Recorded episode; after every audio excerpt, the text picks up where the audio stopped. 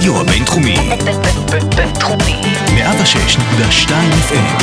הרדיו הבינתחומי. הרדיו החינוכי של המרכז הבינתחומי. לקום ישראל. 106.2 FM. על הרצף, עם דוקטור רונית ולגרין. כל מה שהורים לילדים על הרצף רוצים לדעת.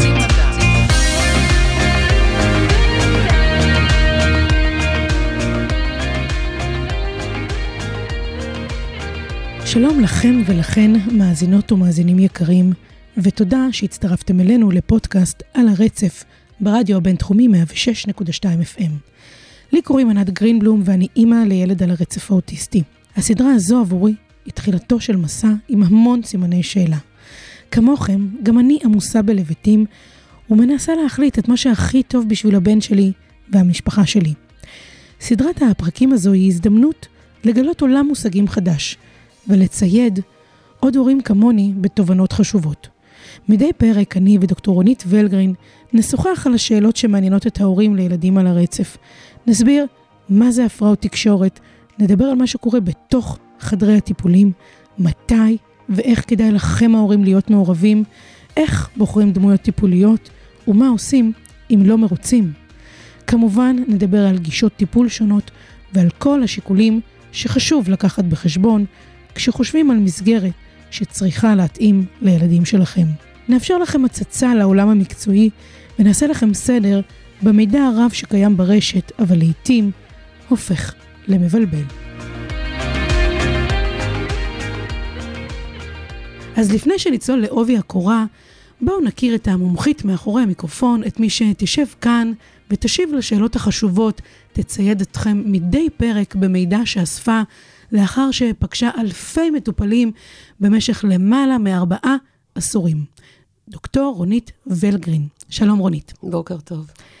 בפרק הזה, לפני שאנחנו נתעמק, אני רוצה שנאפשר להורים, לאחים, לדודים, לסבים, לסבתות, להכיר אותך, את מי שהם פוגשים לפעמים בקליניקה, ולפעמים שומעים בכל מיני פודקאסטים, שומעים אותך מתראיינת לא מעט.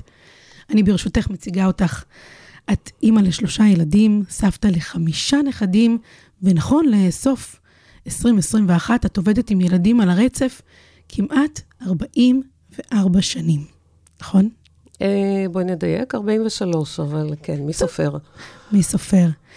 פרספקטיבה מאוד מיוחדת, אני חושבת שהורים שמאזינים לנו עכשיו, לא רק הורים כמובן, כל מי שקשור, מתעניין בתחום של הרצף האוטיסטי, אומר לעצמו, וואו, אלו הרבה עשורים, אלו הרבה נכון. שנים של מהפכה בתחום, גילויים, וכל מה שאני חושבת שהורים היום היו רוצים לשבת, לשאול אותך, אנחנו נשתדל לעשות בסדרה הזו, אבל היום אנחנו, כמו שאמרתי, רוצים להכיר אותך.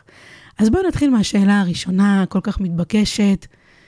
איך הגעת לתחום של הפרעות בתקשורת? אז אה, נעשה את זה ממוקד. לא היה לי מושג מה זה הפרעות בתקשורת. בניגוד לכל אלה שמתכננים מגיל צעיר להיות uh, טייס, רופא, עורך דין, כשהשתחררתי מהצבא, הלכתי לאוניברסיטה, לקחתי ידיעון, ובדקתי מה נחמד, מה מעניין, מה מסקרן, מה מאתגר. Uh, נרשמתי לרפואה, נרשמתי, חיפשתי משהו מעניין, האמת. הגעתי להפרעות בתקשורת. לא כל כך ידעו מה זה. אני מדברת על שנת 75. לא ממש ידעו מה זה הפרעות בתקשורת, לא הצלחתי לקבל מישהו שיכול לספר לי מה זה הלימודים האלה. זה היו באמת המחזורים המאוד מאוד ראשונים. אמרו לי קשה, אמרו לי מסקרן, אמרו לי מאתגר, אמרו לי אה, הרבה ביולוגיה, אנטומיה, נוירולוגיה, התפתחות, אה, אבל קשה, אבל מאתגר. קשה ומאתגר זה השם השני שלי, אז אמרתי, טוב, רפואה והפרעות בתקשורת, נרשמתי, בחרתי, התקבלתי לשניהם, בחרתי להפרעות בתקשורת, כי עוד פעם, מאתגר, מסקרן, לא יודעים הרבה. זהו, זוהי ההיסטוריה. אבל זה התואר. הראשון, אז ואיך הגעת לדוקטורט למעשה? ככה, תואר ראשון, אה, אני לא מאלה שרצו מיד לתואר שני, אני סיימתי תואר ראשון, בדרך הגיעו ילדים, במשפחה. אה, ועבדתי הרבה, הרבה, הרבה עבודת שטח, עבודה קלינית, ואז הגעתי למסקנה שהגיע הזמן לתואר שני. הייתי די מבוגרת בתואר שני, כולם היו, רצו מיד מתואר ראשון לתואר שני. אני כבר הייתי עם שלושה ילדים, הלכתי לתואר שני. ראיתי שטוב, היה לי ברור שבאיזשהו שלב יגיע תואר שלישי. Uh, כשהרגשתי שהילדים כבר מאפשרים, כי ידעתי שאני לא מוותרת על עבודה קלינית בשטח, כשהרגשתי שהילדים מאפשרים שאני אעשה 24-7 עבודה לימודים, הלכתי לתואר שלישי, והיה לי מאוד חשוב שהוא יעסוק במשהו שהוא פרקטי, שהוא לא תואר מגירה. אז מה תחום המחקר? בדקתי אה, בעיות שליפה אצל ילדים על הרצף, בספקטרום האוטיסטי. עכשיו, אה, נלך קצת אחורה, מה זה שליפה? שליפה זה כשהילד, יש לו לקסיקון ורבלי, יש לו אוצר מילים, אבל כשהוא מעוניין להגיד משהו כתשובה לשאלה, לספר משהו כאן ועכשיו, זה נקרא TOT, tip of the tongue. המילה לא קופצת לו מספיק מהר, נעלמת לו. הוא אומר את המילה על יד, אבל אז הוא מפספס הרבה פעמים את המהות של מה שהוא רצה להגיד, את הפואנטה. אה, המילה חוזרת לו אחרי חצי שעה, שלושת רבעי שעה, כי המילה, המילה קיימת. אבל היכולת שלו להגיע לאוצר המילים, זה כמו מחשב, שמחשב פותח תיקיות ואז נורא קל לך למצוא הכל. בבעיות שליפה, שדרך אגב קיימות לא רק לילדים בספקטרום, קיימות לכולנו, השאלה כמה. בקשיי השליפה אני מתקשה, מילים בורחות לי. זה, נו, אה, אה, כזה. כזה עומד לי על קצה הלשון? עומד לי על קצה הלשון, לא זוכרת. איך קוראים לזה? לא זוכרת שם. ברחה לי המילה תרנגולת, אז אני רוצה להגיד משהו, אבל אני אגיד ציפור, על יד. אבל זה לא ציפור, וכשאני אומרת, ברור לי שזה לא זה. ואני מנסה למצוא את המילה, וההתארגנות המילולית שלי לוקה בחסר. ואני רציתי לדעת אם לילדים על הרצף, שאלה היו הקהל העבודה שלי, יש יותר בעיות שליפה מאשר לילדים מקבילים באותו גיל, ואכן כך הוא. לילדים על הרצף יש הרבה בעיות שליפה. מה שזה אומר לגביי כאיש מקצוע, שצריך לשים על זה דגש. וטוב שאנחנו מדברות על זה, כי אני בטוחה שבהמשך, בפרק שיעסוק בכל עניין הפרעות התקשורת, אנחנו ניגע גם בזה ונרחיב, אז כמובן, כל מי שמאזין לנו, תדעו שיש לכם עוד פרק שיוקדש אך ורק בהרחבה לנושא הזה. אני רוצה אבל עכשיו, ברשותך, ללכת איתך ליום הראשון שבו את בפעם הראשונה, ואין לך הרי קשר לאנשים על הרצף מהמשפחה הקרובה, את ככה בוחרת לך מקצוע מאתגר ומעניין, כי זהו שמך השני, ואת נכנסת לעבודה לפני 43 שנים, למקום שאת פעם ראשונה פוגשת ילדים על הרצף. מה, איך זה נראה אז? זה לא המקום שבו יש ילדים על הרצף, כי לפני כל כך הרבה שנים, הרבה מאוד ילדים עברו מתחת לרדאר. זאת אומרת, זה היו ילדים עם קשיים כאלה ואחרים, לפעמים ילדים קצת מוזרים, לפעמים ילדים שיש להם בעיות שפה, ואנחנו אז, לא בדיוק ברור לנו שהבעיות השפה הן כתוצאה מהעובדה שהם על הרצף. ילדים מעניינים, ילדים באמת שאנחנו לא בדיוק מצליחים לשים את האצבע, איפה נקודת הקושי שלהם. עדיין לא קראו לזה ספקטרום אוטיסטי, אפילו לא קראו לזה PDD. זאת אומרת, היום כשאני מנסה לשחזר אחורה, כן, אני יכולה להיזכר בכמה מטופלים שללא ספק היו על הרצף. ומה את ידעת עליהם אז? שהם הוגדרו כלקויי שפה? הם הוגדרו כלקויי שפה, הם הוגדרו כקשיים התפתחותיים, הם הוגדרו ככיתה טיפולית, כגן טיפולי, לא בהכרח על הרצף. ואני חיפשתי את עצמי, אני זוכרת מול, אני זוכרת שני ילדים, ספציפית, שפשוט חיפשתי את הדרך לנסות להבין מה קורה. אחד מהם היה ילד בתפקוד, היום, אני יכולה להגיד, בתפקוד מאוד גבוה. שכן, הייתה לו שפה, היה לו אוצר מילים, יכולת דקדוקית, יכולת תחבירית, אבל משהו באינטראקציה שלו לא צלח. ו- ו- ולא קיבלתי תשובות על למה בעצם. הוא לא עבר אבחון מסודר כמו היום, שיגידו על הרצף, ולכן א', ב', ג'. אני זוכרת את עצמי מחפשת את הדרך לילדים האלה. לאט לאט כמובן הדברים התיישבו. והם למעשה, זאת אומרת, נכנסת למקום שבו היו מרוכזים חמישה, שישה ילדים שהיו חריגים מהנורמה מבלי שידעו לשים את האצבע, או מה שאנחנו יודעים היום, האבחון, להבין למה הם הגיעו למקום החריג הזה, והיית צריכה לבנות להם תוכנית עבודה. בדיוק, איך... בדיוק. זה היה מרכז טיפולי בתל אביב, שהגיעו ילדים עם קשיים התפתחותיים, עם קשיים, לנו, לקלינאיות תקשורת, עם קשיים ברכישת שפה. עם, היום אני יכולה להגיד עם קשיים בתקשורת, אבל אז זה פשוט היה ילד מוזר בהתנהלות שלו. זאת אומרת, גם כשהוא רכש בעבודה קשה, אבל גם כשהוא רכש אוצר מילים, יכולת דקדוקית, כבר היה מסוגל להגיד, לדבר במשפטים תקינים, עדיין התקשורת לא, זה לא הסתדר. הוא לא יזם, הוא לא נענה לתקשורת. לא כל כך הבנתי. חיפשתי. חיפשתי לנסות מה הדרך לנסות לנסח את הקושי שלו ספציפית. היום בדיעבד אני הרבה יותר חכמה, אני יודעת שהוא היה שם. אז הוא היה ילד מוזר. ועדיין חיפשנו לראות איך אנחנו מאפשרים לו תקשורת תקינה, כי הרי יש לו שפה. אז, אז למה הוא לא עונה לשאלות? למה הוא לא יוצר שאלות? למה הוא לא מסתכל לי בעיניים? אז, אז אולי נבוך, אולי מופנם, אולי לא מעניין אותו, אולי... אה, זה לא, זה לא היה ברור.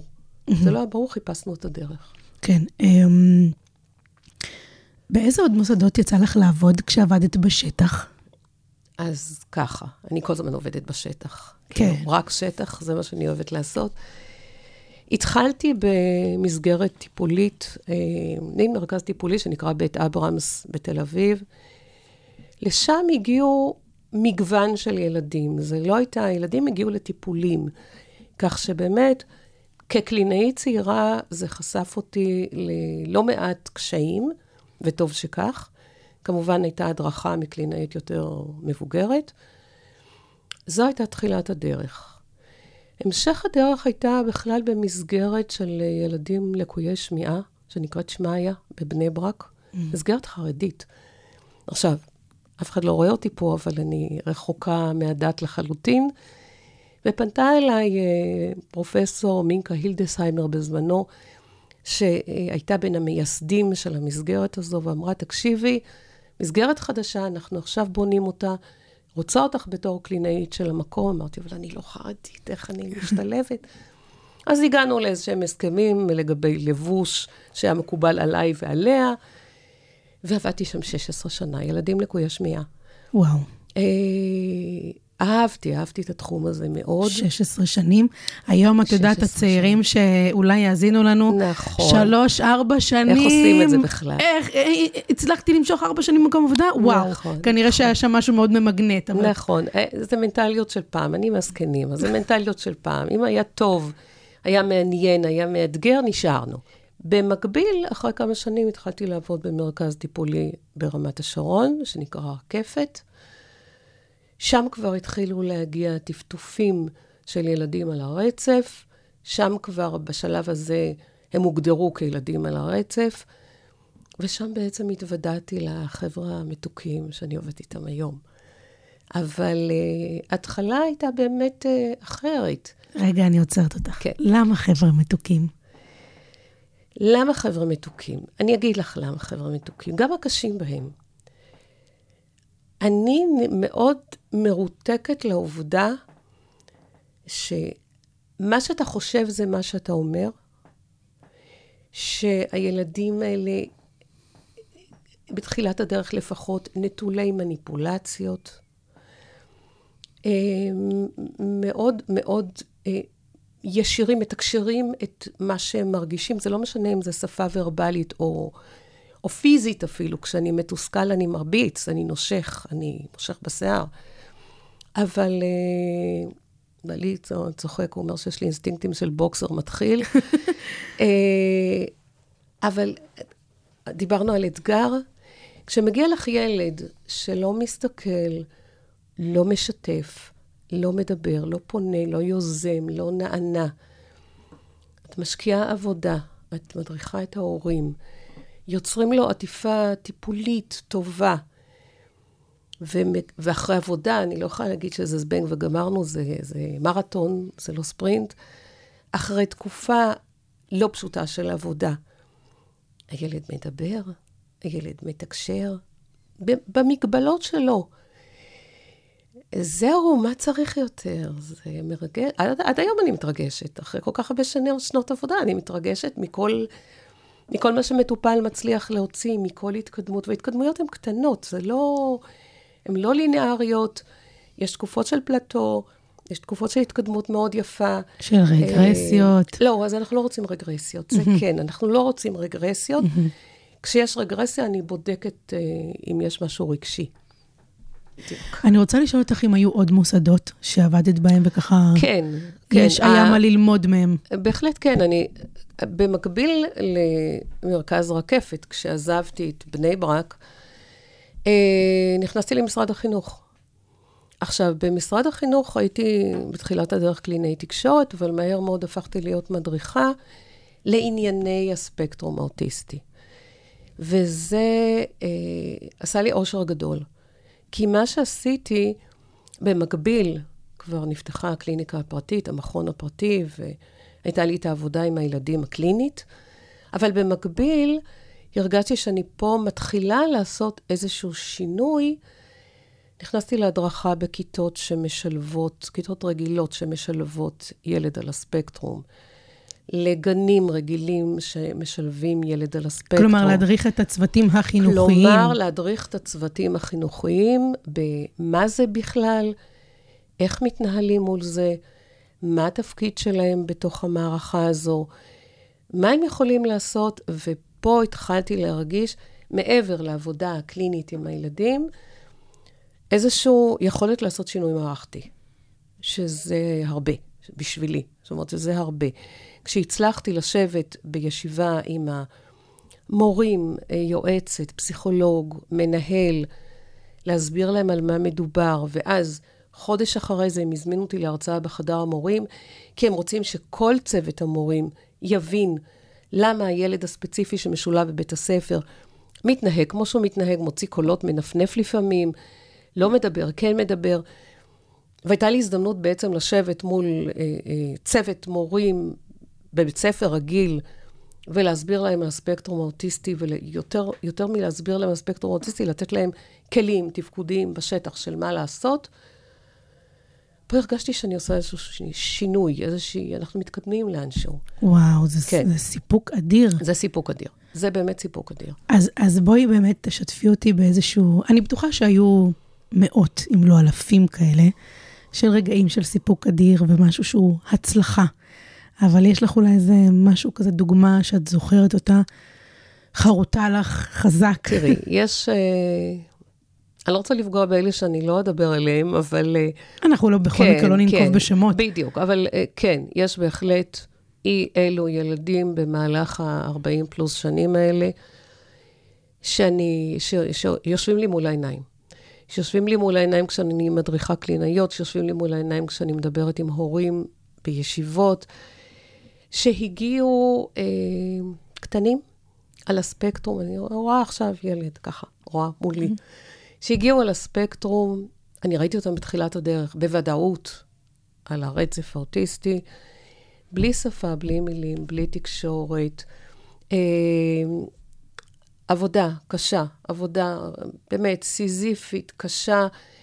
בדרך כלל ההצלחות באות יחד עם שיתוף של כל המסביב, של ההורים, של הסבא סבתא. תני של... לי רגע אומדן של זמן של עבודה קשה, חמש שנים, עשר שנים, חמש עשרה שנים. בואי רגע נכמת את זה. כשאומרים תראי. עבודה קשה, את יודעת, כל אחד והקושי שלו. כשמדברים על הרצף, מדברים פה על שנים, נכון? מדברים פה על שנים. בכמה? כשאני חושבת על הילד הספציפי הזה, הוא הגיע אליי בסביבות גיל שנתיים וחצי, פלוס מינוס.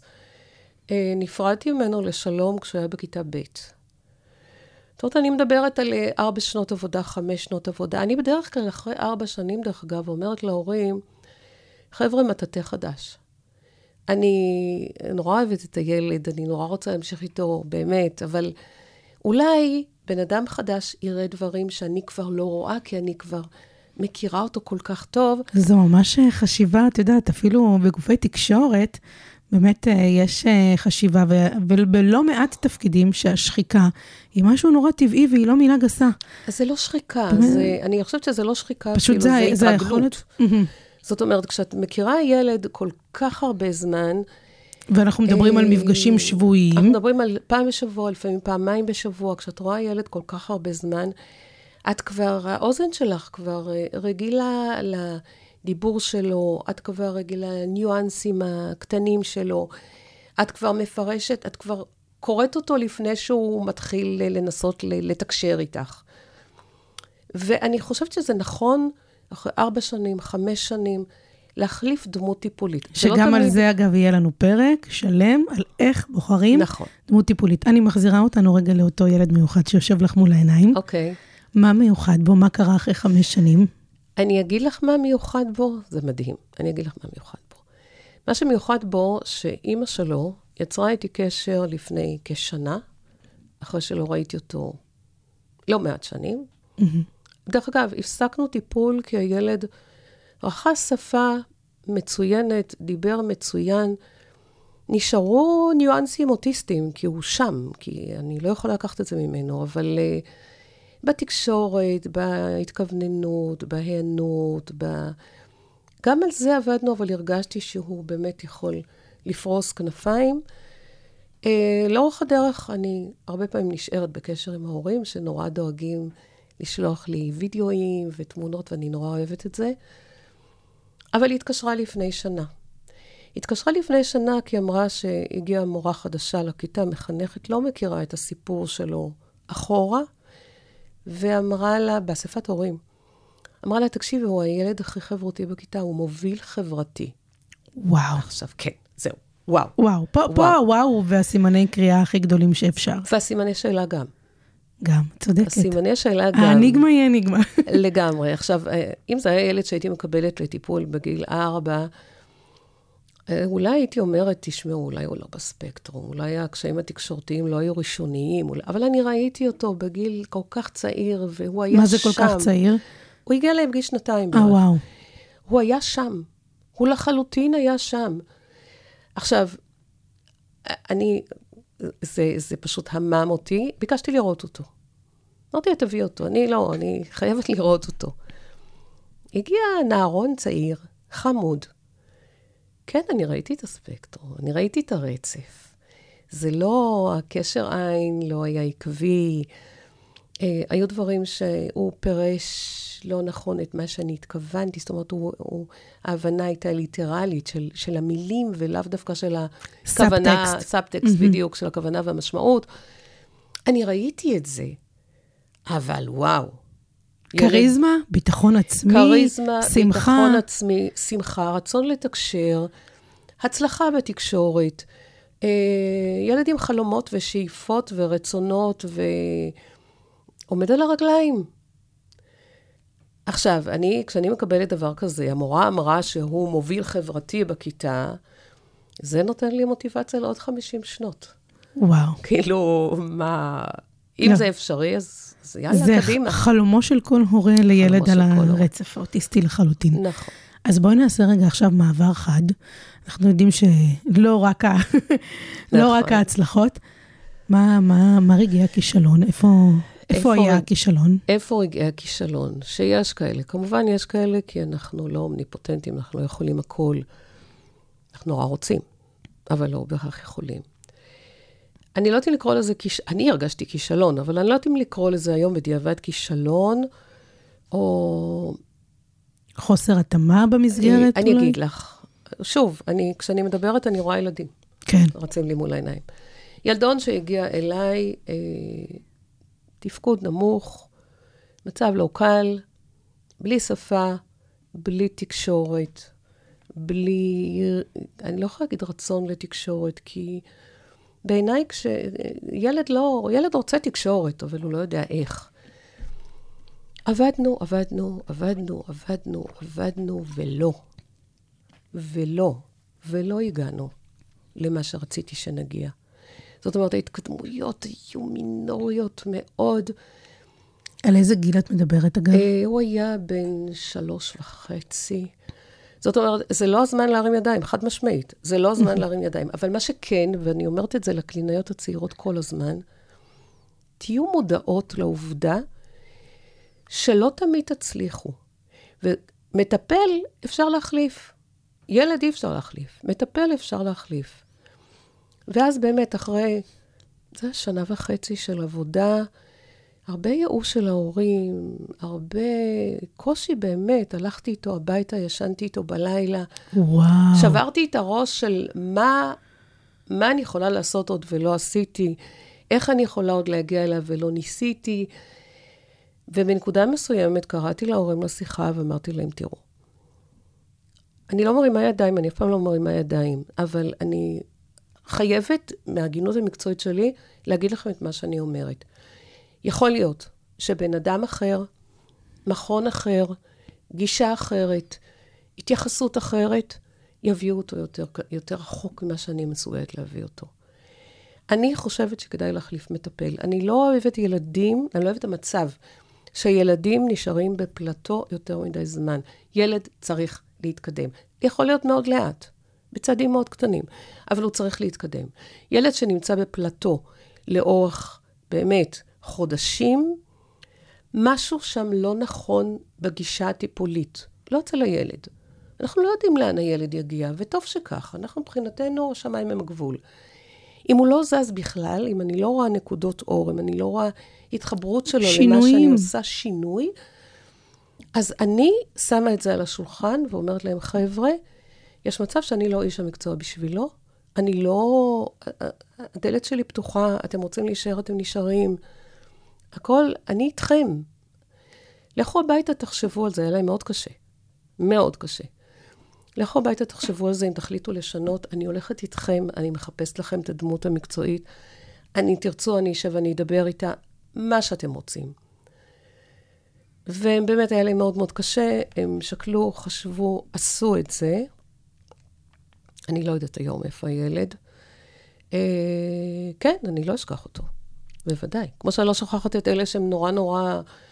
פורחים. רצו קדימה ופורחים את ה... את ה... אני חושבת שאני... אני, אני לא חושבת שהיו הרבה כאלה במהלך ההיסטוריה המקצועית שלי, אבל אחד, אולי שניים, אבל אותם אני לא שוכחת, הם מלווים אותי. אה, כן, הרגשה לא מדהימה, בהחלט. טוב, כן. זה, ככה זה, כשאנחנו לא יכולים לשמוח uh, מכישלון. מצד שני, אנחנו גם uh, באמת מודים בפני עצמנו, קודם כל, שלא תמיד כן. אנחנו יכולים לעשות הכל, לא, ולא, בדיוק, ולא את כולם בדיוק. נצליח לרפא, אבל ניתן תמיד לכולם תקווה. בוא נדבר רגע על הנרפא. נרפא? כן. כן, אנחנו לא מרפאים. לא. כי אני חושבת שאוטיזם זה לא מחלה, זה שונות. שונות נוירולוגית, המוח עובד אחרת. אני לא מנסה לרפא ילדים, אני כן מסה, מנסה להקנות להם את הכישורים והיכולות שיעזרו להם להתמודד עם החברה שהיא לא פשוטה בכלל, ולא בהכרח מקבלת. אז אני, קשה לי עם הריפוי. אנחנו מוציאות אותו כן. מהפודקאסט שלנו, אנחנו לא נדבר על ריפוי, אנחנו לא במחלות, אנחנו בשונות, בדיוק. שונות נוירולוגית. אמ, אז אני תוהה אם היו בכלל רגעי חרטה לאורך שנים שלך בקריירה? אחרי מפגשים כאלה? אה, חרטה לא, לא, לא, חד משמעית לא. מה שכן, אה, יש דברים שאני אומרת, אה, למה לא עשיתי עוד משהו? אחת הפנטזיות היה להקים מרכז טיפולי פרטי, שכיוון שהמרכזים הטיפוליים של המוסדיים, אנחנו יודעים את התורים ואת הזמן שלוקח להורים להגיע לאבחון, לטיפול. אחד הדברים שככה הסתובבו לי בראש כל הזמן, זה לה- להקים מרכז טיפולי כזה פרטי, שיאפשר להורים כן לקבל בזמינות גבוהה. לא קרה. חרטה, לא, אולי פספוס קטן, כן, אבל אה, זהו. אז חרטה כל, לא, קודם כל, לא. אז חלומות עדיין יש. אז טוב, הייתה לי פה איזו שאלה שהכנתי, אבל אני לא יודעת עד כמה היא רלוונטית, אני אשאל אותה בכל זאת. תשאלי, תשאלי. אז אם היום היית צריכה לבחור מקצוע, היית משנה משהו? לא, חד משמעית. נו, את רואה? אבל שאלתי, וטוב המאושר ששאלתי. באדם, אני חושבת, לא? לגמרי. אז בואי נגיד באמת, בואי נספר למאזינים רגע מה את עושה בימים אלו. הגעתי לגיל שאפשר לעזוב את משרד החינוך. במקביל, אני רצתי את המכון הפרטי שלי, יש לי מכון שקלינאיות תקשורת עובדות בו, מודרכות על ידי, שהוא מאוד יקר לליבי. המכון, אנחנו עובדים עם ילדים על הרצף, הרבה על הרצף האוטיסטי, ילדים בעיות שפה מורכבות, ילדים עם דיספרקסיות. פה ושם מגיע איזה ילד... אה, דיספרקסיה, רגע. דיספרקסיה זה תכנון נוירולוגי להתארגנות של אברי היגוי לדיבור. זאת אומרת, זה יותר יושב על... שמתקשים לדבר, לאו דווקא להבין ולא תקשורת, מתקשים לדבר. אה, זה כולל גמגום, למשל? לא, לא, זה לא כולל גמגום. גמגום זה, זה משהו אחר לגמרי שאנחנו לא מתעסקים בו, גם בעיות קול, צרידויות וכולי, אנחנו לא מתעסקים. אנחנו כן מתעסקים הרבה עם שפה, הרבה עם תקשורת, הרבה עם דיבור. Uh, המכון מאוד מאוד יקר לליבי, כמובן. במקביל, כבר כמה שנים אני רצה עם uh, הורים שמבקשים להגיע למשהו שהוא סוג של uh, אבחון ייעוץ, אבחון הדרכה. מבקשים ממני לראות את הילד, לפעמים זה כבר ילד מטופל אצל קלינאי תקשורת או במסגרת איזושהי, רוצים שאני אראה אותו. ואני אחר כך יושבת איתם, עם ההורים, ואנחנו שמים על השולחן פגישה נפרדת בלי הילד, אני לא אוהבת לדבר מעל הראשים של הילדים. שמים על השולחן את איפה הילד נמצא, מה הוא צריך, מה חשוב לשנות במסגרת הנוכחית, לאן הולכים מכאן. זה פגישות שאני מגדירה אותן כעד שיצא עשן לבן. אני לא, לא תוחמת את זה בזמן. ברגע שההורים מחייכים ואומרים, נגמרו לנו השאלות, אנחנו נפרדים לשלום. את מי את מזמינה לפגישות האלה? אני, מבחינתי, הכל פתוח. יש הורים שמביאים את uh, אנשי הצוות הטיפולי שעובדים עם הילד. יש הורים שמנסים ולפעמים מצליחים להביא את הגננת, מורה, לפגישה. יש הורים שמביאים סבא סבתא. לפעמים דודה מגיעה, שהיא מאוד מחוברת לילד. Uh, אני מבחינתי, תביאו את מי, כל מי שעוטף את הילד ביומיום שלו, מבורך להגיע לפגישה הזאת, מבורך לשאול את השאלות שלו. המטרה שלנו זה לעשות רגע איזשהו פסק זמן באיפה שהילד נמצא, ולחשוב מה הלאה, מה קדימה, פרקטי, פרקטי, פרקטי. על הרצף, כל מה שהורים לילדים על הרצף רוצים לדעת. לדבר על פנטזיה? כן, בית כן, ספר כן. להורים. וואו. אני חושבת ש... באמת, אני חושבת שהורים, בלי הורים זה לא עובד.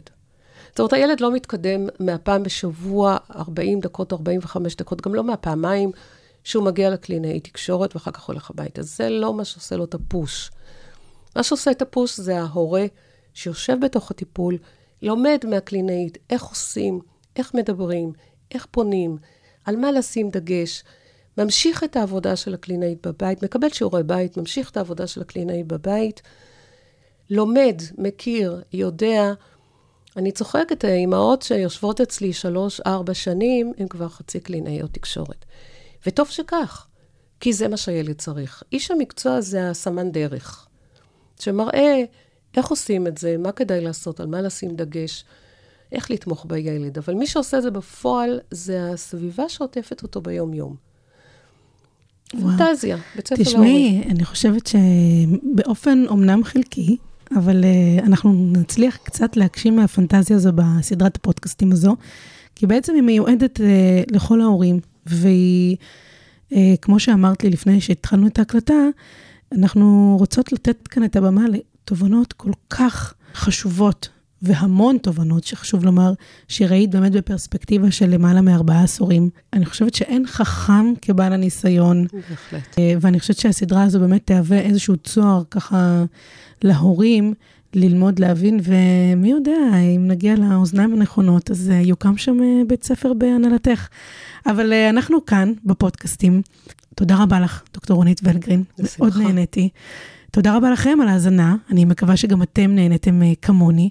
כמובן תצטרפו אלינו לפרקים הבאים שבהם אנחנו נעסוק בכל השאלות והסוגיות הכל כך חשובות לחיים של הילדים על הרצף האוטיסטי. כמו בכל סוף פרק נאמר שכל הנאמר בסדרת הפודקאסטים על הרצף ברדיו בינתחומי 106.2 FM אינו מהווה תחליף לייעוץ מקצועי, וכמובן, כפי שאתם ודאי יודעים, אין שני אנשים זהים על הספקטרום האוטיסטי, אז זכרו שכל ילד וילדה הם עולם ומלואו בפני עצמה ועצמו, ולפני שאתם מקבלים החלטה, התייעצו עם מומחים. אנחנו נשתמע בפרק הבא. כל הנאמר בפודקאסט על הרצף אינו מהווה תחליף לייעוץ מקצועי. על הרצף, עם דוקטור רונית ולגרין.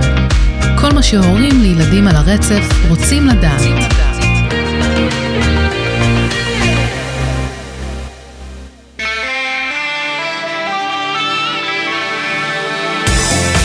הרדיו הבינתחומי, בינתחומי. 106.2 FM, הרדיו הבינתחומי. הרדיו החינוכי של המרכז הבינתחומי, לקום ישראל, 106.2 FM.